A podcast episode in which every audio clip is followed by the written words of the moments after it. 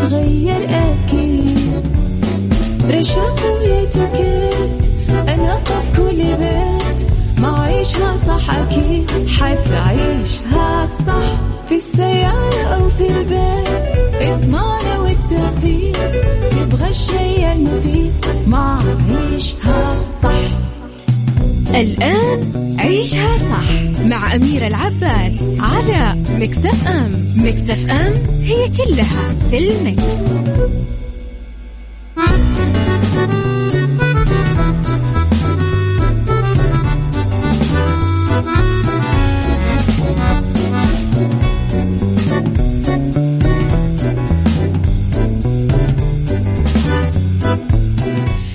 يا صباح الورد والهنا والخير والرضا والنور والتوفيق والفلاح وكل شيء حلو يشبعكم. تحياتي لكم وين ما كنتم. صباحكم خير من وين ما كنتم. تسمعوني أرحب فيكم من ورا المايك والكنترول. أنا أميرة العباس. صباح جديد وحلقة جديدة وبداية أسبوع جديدة. صوتي مو نايم صوتي مبحوح.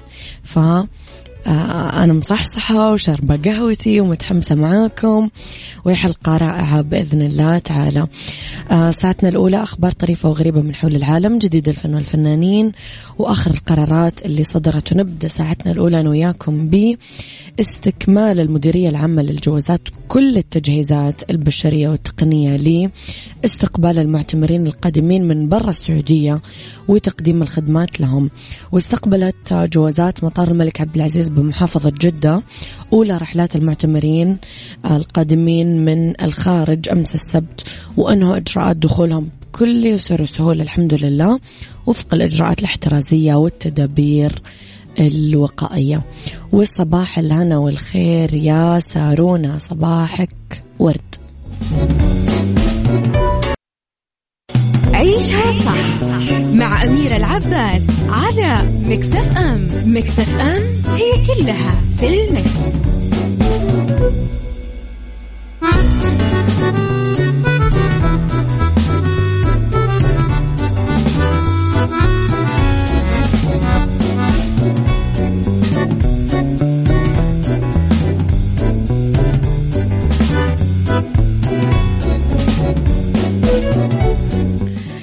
تحياتي لكم مرة جديدة. صباح الخير يا أبو عبد الملك. أبو عبد الملك يقول لي سكر نبات وموية دافية وعسل يرجع صوتي. مع تحيات مريم نور.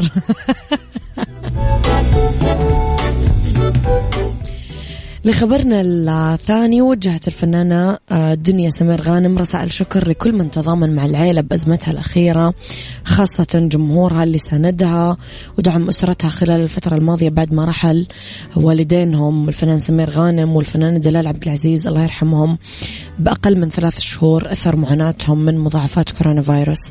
نشرت دنيا صورة تجمعها مع أسرتها في الفيسبوك الخاص فيها وعلقت شكرا لكل الناس اللي بتحبنا واقفة جنبنا وبتسأل علينا وبتراعي مشاعرنا.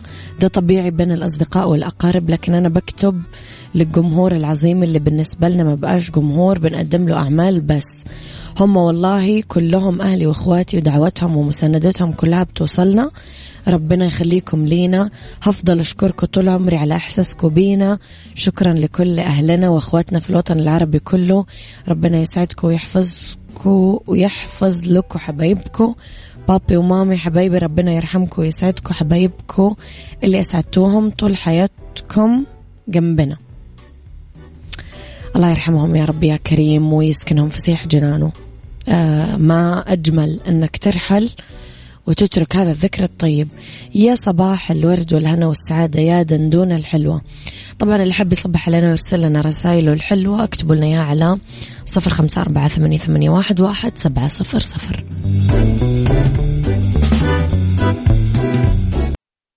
عيشها صح مع أميرة العباس على مكتف أم. مكتف أم هي كلها في المكس.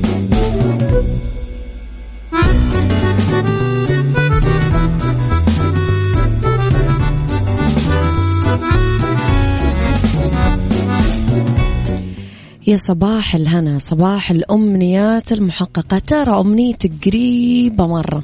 خلي بس بالك طويل. قول أميرة قالت.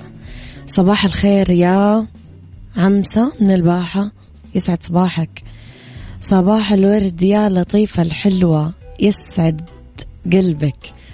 تقول سلامة صوتك المبحوح جميل بكل أحواله. يا رب يسعدك لطيفة فعلا لطيفة.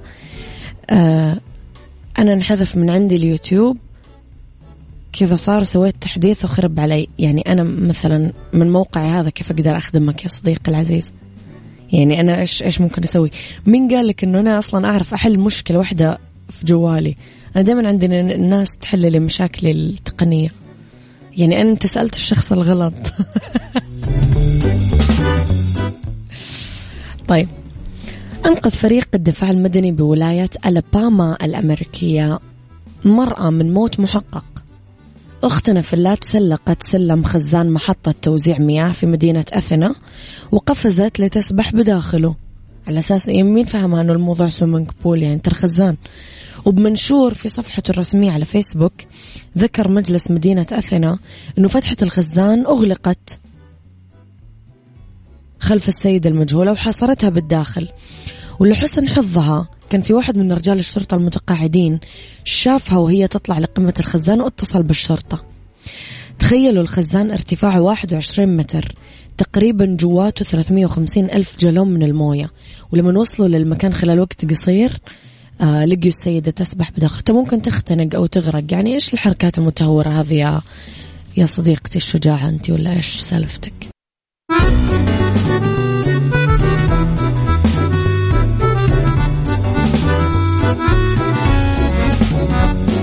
تعال وعيش حياتك عوض كل شي فاتك عيش أجمل حياة بأسلوب جديد. في دوامك أو في بيتك حتلاقي شي يفيدك وحياتك إيه راح تتغير أكيد. رشاق ويتوكيت أنا في كل بيت ما عيشها صح أكيد. حتعيشها صح في السيارة أو في البيت. اضمعنا والتوفيق تبغى الشيء المفيد ما عيشها صح. الآن عيشها صح مع أميرة العباس على مكتف أم مكتف أم هي كلها في المكس.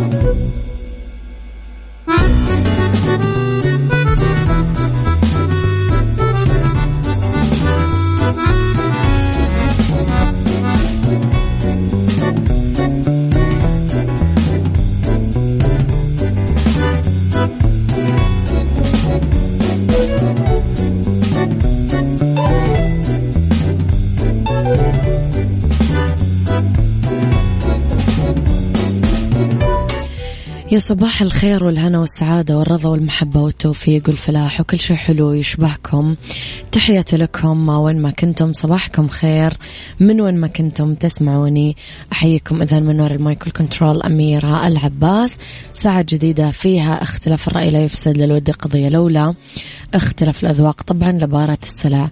توضع مواضيعنا على الطاولة دائما بالعيوب والمزايا السلبيات والإيجابيات. السيئات والحسنات تكونون أنتم الحكم الأول والأخير بالموضوع بنهاية الحلقة نحاول أننا نصل لحل العقدة ولمربط الفرس. العزلة الإيجابية نتكلم عليها اليوم. العزلة الاجتماعية تشير للغياب التام أو شبه التواصل التام مع المجتمع. نتكلم عن أمر بين الكائنات الاجتماعية وغالبا ما تكون العزلة لا إرادية. يميزها عن الميول أو الأفعال الإنعزالية أو اللي يقوم فيها الشخص متعمدا أنه تعددت أسمائها بس المظاهر واحدة وهي ما تشبه الوحدة المتصلة في غياب التواصل المؤقت مع البشر الآخرين لا. يمكن أنه تمثل العزلة الاجتماعية مشكلة لأي شخص مهما كان سنه فقد تظهر كل فئة عمرية ويحتمل أنه ينشأ عن مشاعر الوحدة والخوف من الآخرين أو تقدير الذات انخفاض تقدير الذات. تقدير الذات السلبي التعرض لأضرار نفسية حادة.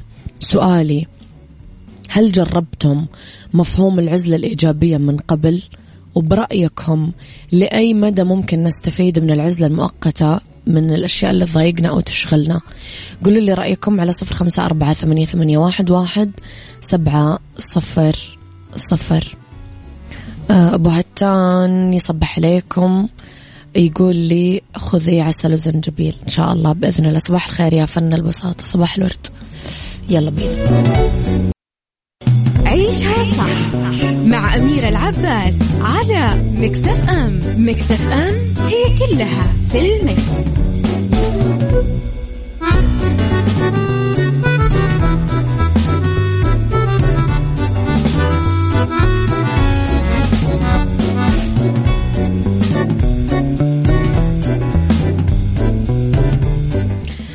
صباح الهنا والرضا والتوفيق. أبو عبد الملك يقول عن موضوع حلقتنا اللي هي العزلة الإيجابية كما أسميناها اليوم يمكن.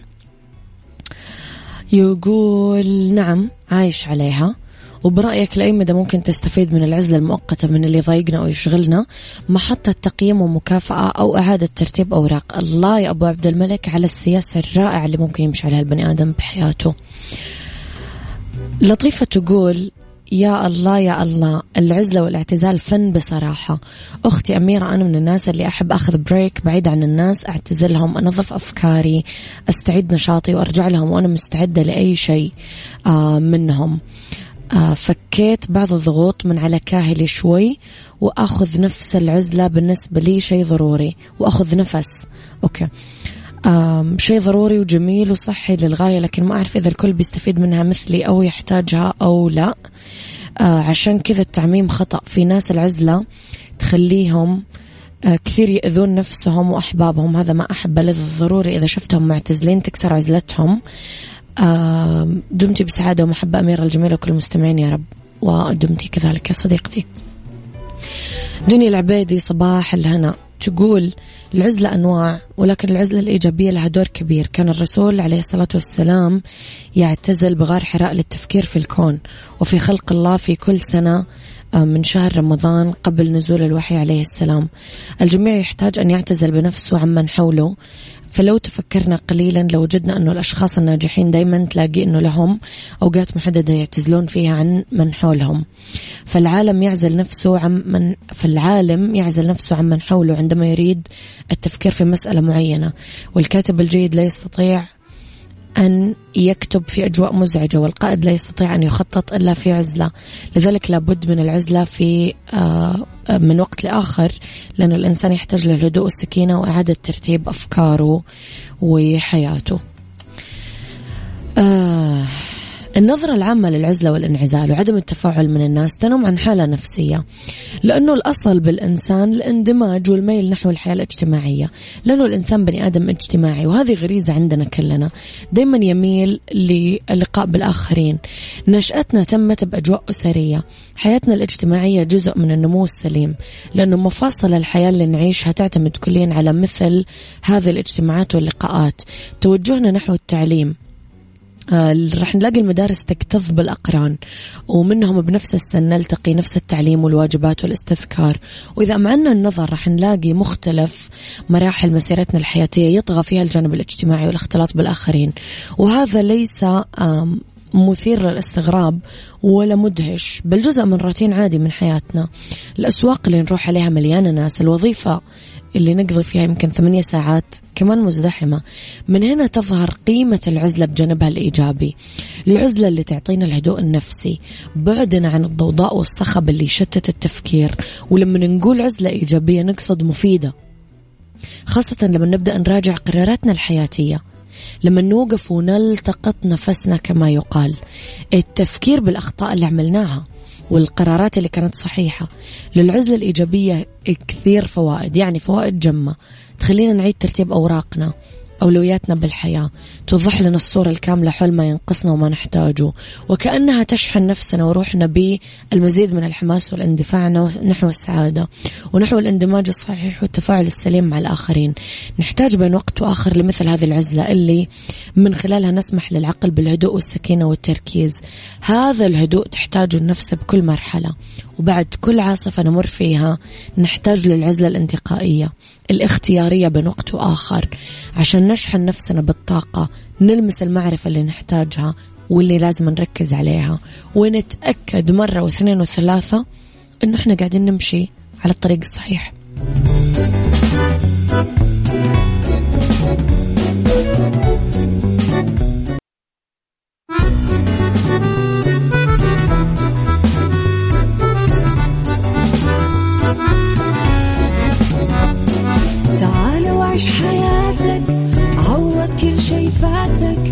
عيش أجمل حياة بأسلوب جديد. في دوامك أو في بيتك حتلاقي شي يفيدك. وحياتك إيه راح تتغير أكيد. رشاق ويتوكيت أنا قف كل بيت. ما عيشها صح أكيد حتعيشها صح. في السيارة أو في البيت اسمعنا والتوفيق.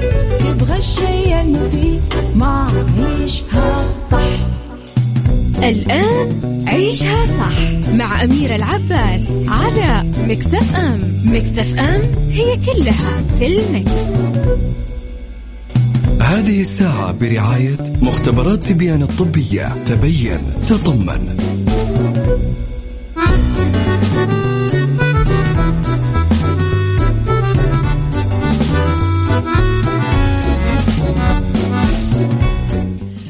يا مساء الخير مساء الرضا مساء العافية والفلاح. تحياتي لكم وين ما كنتم ويسعد لي مساكم أولى ساعات المساء وآخر ساعات عيشها صح. طبعا منورين اليوم مختبرات. تبيان اسمحوا لي أرحب بضيفتي في الاستوديو مو لأول مرة دكتورة رانيا علي استشارية الباثولوجيا الكلينيكية والكيميائية والمدير الطبي لمختبرات تبيانة الطبية.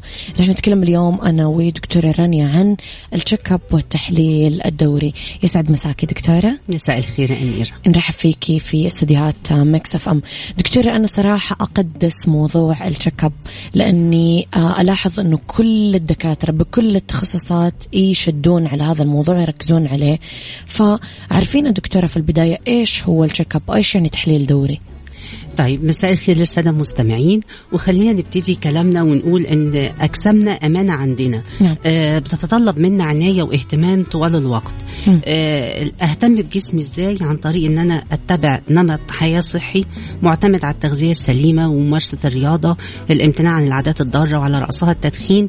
وتاني حاجة وأهم حاجة برضو آه ال ال آه الكشف الدوري آه بصفة عامة على الجسم للاطمئنان على الصحة العامة والخلو من الأمراض مم. ليه بعمل ال- التحاليل الدورية بصفة عامة آه لأن في كتير جدا من الأمراض آه بتعتبر أمراض صامتة نعم. بمعنى إن أنا أكون عندي مرض ما ولكن أعرف ما عنديش عندي أعراض. الأعراض نعم. بالظبط أو الأعراض تكاد تكون غامضة أو مبهمة مم. ممكن أكون بشتكي بصداع والصداع ده يكون انديكيتور لحاجة تانية أنا ما هعرف أكتشفها عن طريق التحاليل الدورية نعم. فبالتالي لازم أعمل الفحوصات الدورية بشكل منتظم الفحوصات الدورية دي بتبقى مجموعة من التحاليل آه، بتتعمل على فترات بتختلف من إنسان للتاني إن أنا أعملها بفترة قد إيه.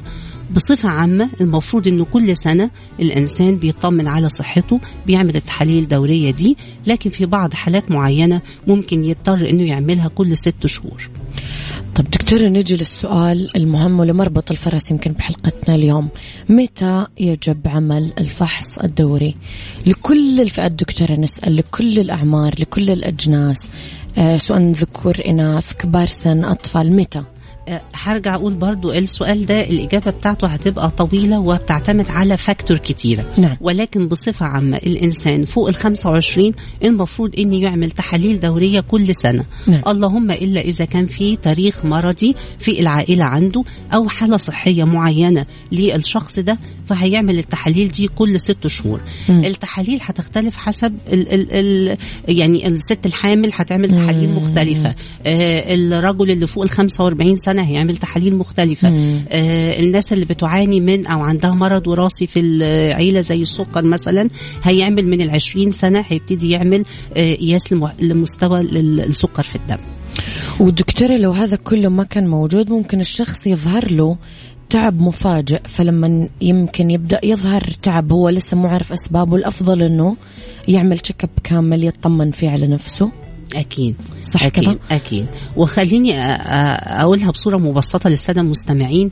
أنا لو أنا يعني عندي مرض ما وما عنديش العرض وأنا عملت وأنا كنت منتظم بمتعود إن أنا أعمل التحاليل الدورية بصورة منتظمة. نعم. اكتشفت المرض ده وبالتالي سرعة الشفاء واحتمالية الشفاء وتجنب حدوث المضاعفات للمرض ده آه، هتقل بكتير. هينعكس عليا على خلينا نقول كده ال- التكلفة المادية ليا أنا في علاج المرض دوا ده هينعكس على تكلفتي على آه، علاج المرض للمجتمع وللدولة. وبالتالي يعني الكشف الدوري ده بيجنبني حاجات كتيرة آه، جدا. من باب الوقاية خير من العلاج. أنا وياك دكتورة طالعين بريك قصير ونرجع نكمل حوارنا مرة أخرى.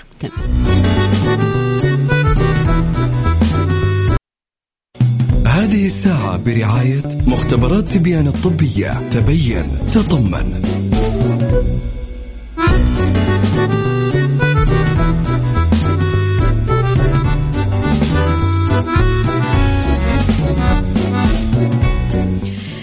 تحياتي لكم مرة ثانية. دكتور السؤال مهم بل يمكن الأهم بحلقتنا اليوم. إيش أهم التحاليل الموجودة في الفحص الدوري؟ يعني إحنا لما نقول check up يمكن هي كلمة كبيرة جدا. فإيش أهم التحاليل اللي موجودة في الفحص الدوري؟ طيب خلينا نقول إن أهم التحاليل اللي لازم يشمل عليها أي فحص دوري روتيني نعم. أول حاجة صورة الدم الكامله complete blood picture صورة الدم الكامله دي تحليل بسيط جدا بيعرفني حاجات كتيرة جدا بيعرفني نسبة الهيموجلوبين في جسمي مم. نسبة الهيموجلوبين دوا عن طريقها ممكن الطبيب يتبين إذا كان في نوع من أنواع فقر الدم نعم. آه بيعرفني نسبة خلايا الدم البيضاء. خلايا الدم البيضاء وليها علاقة بمناعه جسم الإنسان مم. بيعرفني إذا كان في التهاب بكتيري أو التهاب فيروسي وأنا مش مع ما عنديش الأعراض بتاعته بتتبين عن طريق صورة الدم. آه بالنسبة للصفائح الدموية الصفائح الدموية ودي بتلعب دور مهم جدا في وقف النسف عند حدوث أي جرح. آه لخبطة الصفائح الدموية سواء لخبطة أو آه في العدد أو في الوظيفة هيأثر لي على آه التئام الجروح بعد كده. هو مم. على النسف ساعة ال- الجروح. نسبة الهيماتوكريت ودي نسبة ما بين خلايا الدم الحمراء والبلازما الهيماتوكريت اختلاف النسبة الطبيعية آه، بتاعتها. ممكن يكون indicator لأمراض كتيرة ملهاش أعراض بتبقى عندي لا قدر الله وأنا مش حاسة بيها. تاني حاجة في الفحص الدوري التحليل البول. ال complete urine analysis برضو ده تحليل بسيط جدا عينة بول عادية آه بتكشف عن حاجات كتيرة جدا. نعم. آه على سبيل المثال يعني من غير التفاصيل الأملاح. أنا ممكن يكون عندي أملاح في البول دي ما عنديهاش أعراض لجسم الإنسان ما. بشتكيش من حاجة. نسبة زيادة الأملاح في البول ممكن ترسب في الكلى وتعمل حصاوي في الكلى. مع التبعات بتاعه حصاوي الكلى وأعراضها والمغص الكلوي وكل ده بيتجنب من معرفة تحليل البول. تحليل البول بيعتبر وظيفة برضه طريقة غير مباشرة عشان أشوف وظيفة الكلى،. نسبة البروتين الموجودة في البول، مم. وجود خلايا دم حمراء في البول لا قدر الله مم. ممكن يكون مؤشر لاختلال في الوظيفة بتاعه الكلى أو في التهاب في الغش- النسيج الكلوي. آه وجود البكتيريا مم. ممكن أكون أنا عندي أعراض أو مش حاسة بأعراض آه ويكون متطلب إن أنا آخد مضاد حيوي نتيجة لوجود ميكروب معين في البول آه آه غير تحليل البول كمان إنزيمات الكبد نعم. إنزيمات الكبد ده بصورة مبسطة ده بيدل على وظيفة الكبد وقدرته على استخلاص السموم من الجسم. الالتهاب الكبدي الوبائي ممكن يكون أنا حاملاه عندي وما عنديش الأعراض. عن طريق إن أنا بعمل تحليل مبسط. وظائف الكبد هيبان إذا كان في التهاب في الكبد ولا لا مم. وظائف الكلى. وقدرتها على استخلاص السموم من الجسم حلو آه السكر طبعا مم. السكر ده مهم جدا وخلينا ننوه هنا هو إن السكر آه لو عندي تاريخ مرضي في العيلة لمرض السكر هيستلزم إن أنا أعمل التحليل وأتابع عن طريق السكر العشوائي عن طريق السكر التراكمي وعلى فترات متقاربة من ضمن برضو الفحوصات بتاعة التحاليل ال- الدورية الشاملة وظائف الغدة الدرقية. وظائف الغدة الدرقية مهمة جدا لأن الأعراض بتاعتها ممكن يكون أنا عندي نشاط زائد أو كسل في الغدة الدرقية والأعراض بتبقى مبهمة زي إن أنا بتوتر آه بعرق أنا عندي تعب مستمر. كلها أعراض مبهمة وممكن تكون بتدل على حاجات آه، تانية غير آه، مم. آه، اعتلال في وظيفة الغدة الدرقية. مم. مستويات الدهون ودي أخطر حاجة وأهم حاجة. وخاصة دلوقتي مع انتشار ال fast food طبعا آه، فمستويات الدهون وخاصة الدهون المنخفضه الكثافة علوها عن المعدلات الطبيعية. مم. هتترسب في الشرايين هتعمل أمراض قلب وح- وحاجات خطيرة. ممكن إن أنا أتابعها وأتجنب حدوثها بسهولة عن طريق الفحص الدوري. الشامل مم. آه، قياس المعادن في جسمي الكالسيوم الفوسفورس المغنيسيوم. نسبة الأملاح نسبة الأملاح برضو دي مهمة جدا أن أنا أعرفها في الجسم وخاصة لو البني آدم ده بيتاخد بياخد آه، أدوية مضرة للبول. فلازم بيتابع عن طريق نسبة الأملاح. آه، معدل الفيتامينات. برضو مهم إن أنا أعرفها من الوقت للتاني في جسمي معدل الفيتامينات قد إيه لأن نقص الفيتامينات بيعمل أضرار على الجسم والعلاج بتاعها بسيط. إن أنا هاخد المكمل الغذائي أو هاخد السبلمنت اللي عندي نقص فيه. يعني دي تقريبا أهم آه الفحوصات الروتينية اللي. بتتعمل. وفي بقى فحوصات روتينية بتزيد على كده بتبقى على حسب حالة المريض نفسه. يعني بناء على حسب- اللي موجودة عنده عمره على حسب. الحالة الصحية على حسب العمر وعلى حسب زي ما قلنا التاريخ في ال- المرضي في العيلة وعلى حسب الحالة الصح- حالته نفسها يعني الست الحامل بتعمل تحاليل مختلفة تماما عن عن, الشخص العادي حامل. مثلا فوق ال 45 سنة آه، فوق ال 20 سنة كل واحد تحليله بتبقى مختلفه أنا وياك دكتور رح نطلع بريك كمان ونرجع نكمل حوارنا مرة أخرى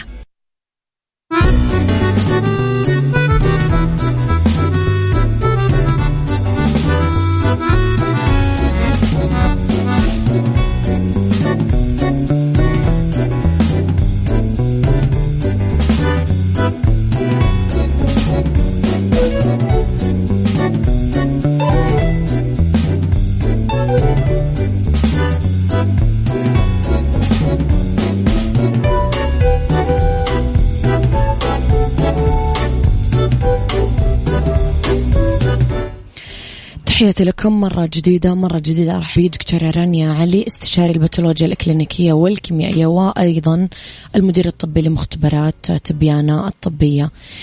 طيب دكتور أنا هو بتكلم عن تجربة شخصية أنا من الناس اللي بعمل آه check up سنوي وأمانة يعني سواء على الناس اللي بعمري أكبر مني أصغر مني أنا دايما في مرحلة متقدمة ومتطورة عن غيري. يعني أنا دايما في المرحلة الأولى من العلاج اللي هو تكفيني مثلا حبة دواء ولا إبرة ولا مثلا زيارة واحدة لطبيب. الناس اللي غيري مثلا ممكن يأخذوا سنة علاج كاملة بسبب أنه هم دايما ما يعرفوا ماذا يدور في أجسادهم. الأضرار الناتجة عن إهمال الفحص الدوري إيش هي؟ دكتور أكيد بتقابلي كيسز مرة متأخرين في المراحل العلاجية.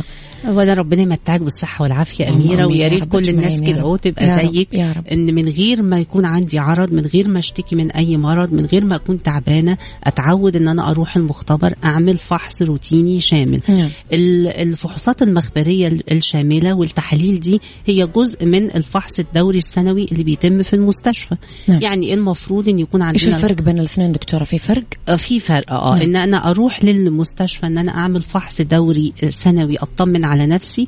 دي هتشمل حاجات زي آه، قياس الضغط فحص قاع العين آه، ببص على بعمل كشف النضارة آه، ببص على أسناني بعمل سونار على البطن. من جزء منها الفحوصات الروتينية الشاملة هي جزء من الفحص الدوري السنوي اللي المفروض يتم في المستشفى. نعم. طيب دلوقتي زي ما انت تفضلتي وقلتي كده هو أنا متقدمة. مراحل كتير عن بقية الناس اللي زمايلي حوالينا، أو أيوة،. في عمري في إن أنا آه، آه، حاجة بسيطة بتكفيني كعلاج إن يبقى في اكتشاف مبكر لأي حاجة هو ده اللي إحنا بنقوله إن الفحوصات والتحاليل الدورية الشاملة اللي بتتم في المختبر بتجنبني الأعراض والمضاعفات بتاعة المرض بتجنبني بتخليني أكتشف المرض لا قدر الله لو أنا كنت مصابة بيه في مرحلة متقدمة وبالتالي العلاج بتاعه هيكون أسهل البروجنوزس والمضاعفات ال- والآثار الجانبية للمرض ده هتكون أقل مش هتكلف التكلفة الكبيرة هحافظ على صحتي وهيبقى ليه مردود عليا بصفة عامة. مم. أكيد بتجيكم دكتورة cases مرة متأخرة في المراحل العلاجية بسبب إهمال هذا الموضوع. طبعا و... و... يعني أشهر حاجات أنا بشوفها مثلا موضوع الدهون مم. وخاصه برضو بحب اشدد أقولها تاني ليه لأن موضوع ال fast food عندنا بقى حاجة خلاص بقى حاجة روتينية. من روتين إيه، الحياة صحيح. للأسف من العادات الضارة دلوقتي آه الارتفاع في معدلات الدهون المن- المنخفضة الكثافة كل ما كان عالي كل ما نسبة الإصابة بأمراض الشرايين هتكون عالية. مم. كل ما الاستجابة للعلاج هتكون أصعب. هكون محتاجة ساعتها أن أنا حكا- أخد الدواء آه، هكمل عليه فترة طويلة. مم. محتاجة أن أنا أغير النظام الصحي بتاعي كله. آه، محتاج ممارسة رياضة. محتاج أن أنا أقلب حياتي كلها. مم. في حين أن أنا لو اكتشفت الارتفاعات البسيطة دي في الدهون من الأول ممكن يكون آه، آه، رد فعلي للعلاج هيكون أحسن. مش هكون بأبذل مجهود كتير مش هصرف كتير على العلاج. وقيسي على كده كل الأمراض التانية أو كل حاجة أقدر أكتشفها. زي ما قلت كده برضو مرحلة قبل- متقدمة. بالظبط. كل ما اكتشفت المرض بدري كل ما يكون الريسبونس بتاعي للعلاج أحسن كل ما يكون هتجنب حدوث المضاعفات. مرض السكر مثلا مرض السكر اكتشافه في مرحلة مبكرة وإني أغير ال lifestyle بتاعي وأمشي على العلاج وكتير جدا من الحالات بتاعت مرض السكر بيتم اكتشافها بدري. بيبقى العلاج بتاعها مش علاج طبي أكتر منه تغيير في ال life ال- style. والأكل وطبيعة الأكل والتغذية السليمة. لو أنا أهملت ده واكتشفت مرض السكر في مرحلة متأخرة لا قدر الله ممكن أكتشفه مع آه، اعتلال في وظيفة الكلى. أبقى دخلت المرحلة هقول عليها irreversible. يعني ما فيهاش رجعة. مش هقدر إن أنا أرجع آه، آه، اللي كان. ما صرت صاحب القرار والاختيار. خاصة أنا ملزم ب بالظبط. بالظبط. في حاجات مش هقدر أرجعها. لو كنت اكتشفتها بدري بيبقى العلاج بتاعها بسيط أقل استجابته أحسن تكلفته أقل. نجي دكتور للسؤال المهم كل ما سبق ينعمل فين؟ فين يتم عمل الفحص الدوري؟ أنا أمير حقول لك تبيان على طول أنا وش هقول لك بقى.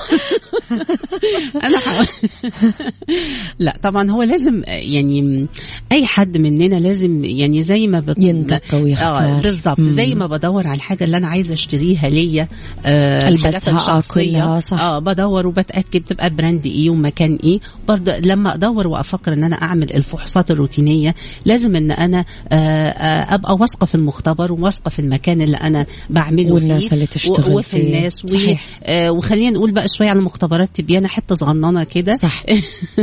إن إحنا كمان نقول حتت كثيرة إن إحنا بنقدم خدمة آه، آه، استشارة طبية. مش هقول خدمة نقول استشارة طبية بحيث إن أنا طبعا مش كل الناس ليها علاقة بالمجال الطبي أو مجال التحاليل. فاللي بيعمل التحاليل هي بتبقى بالنسبة له أرقام.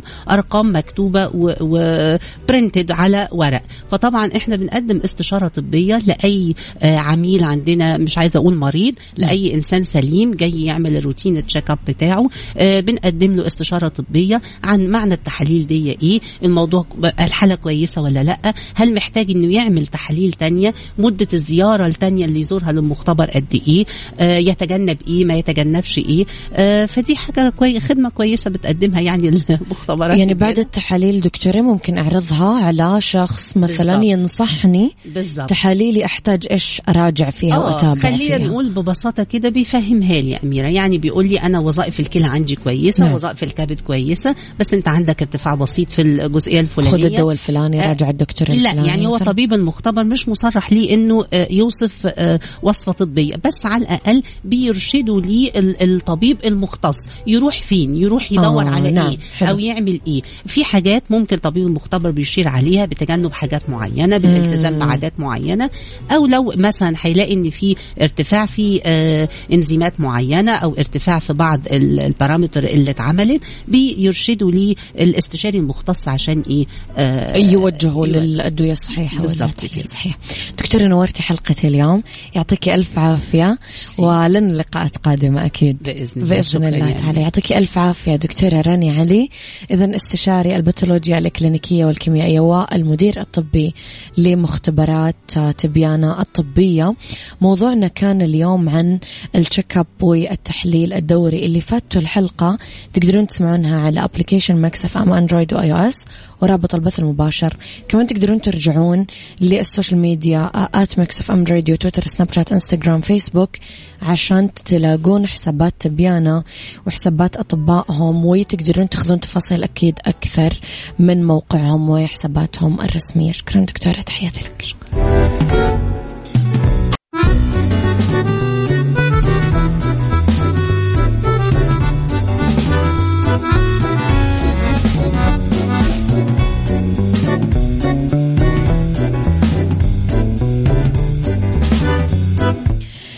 إذا تدورون على تمويل شخصي ما لكم إلا شركة النايفات للتمويل واللي تقدرون من خلالهم تاخذون تمويل نقدي فوري بدون تحويل راتب وبدون كفيل.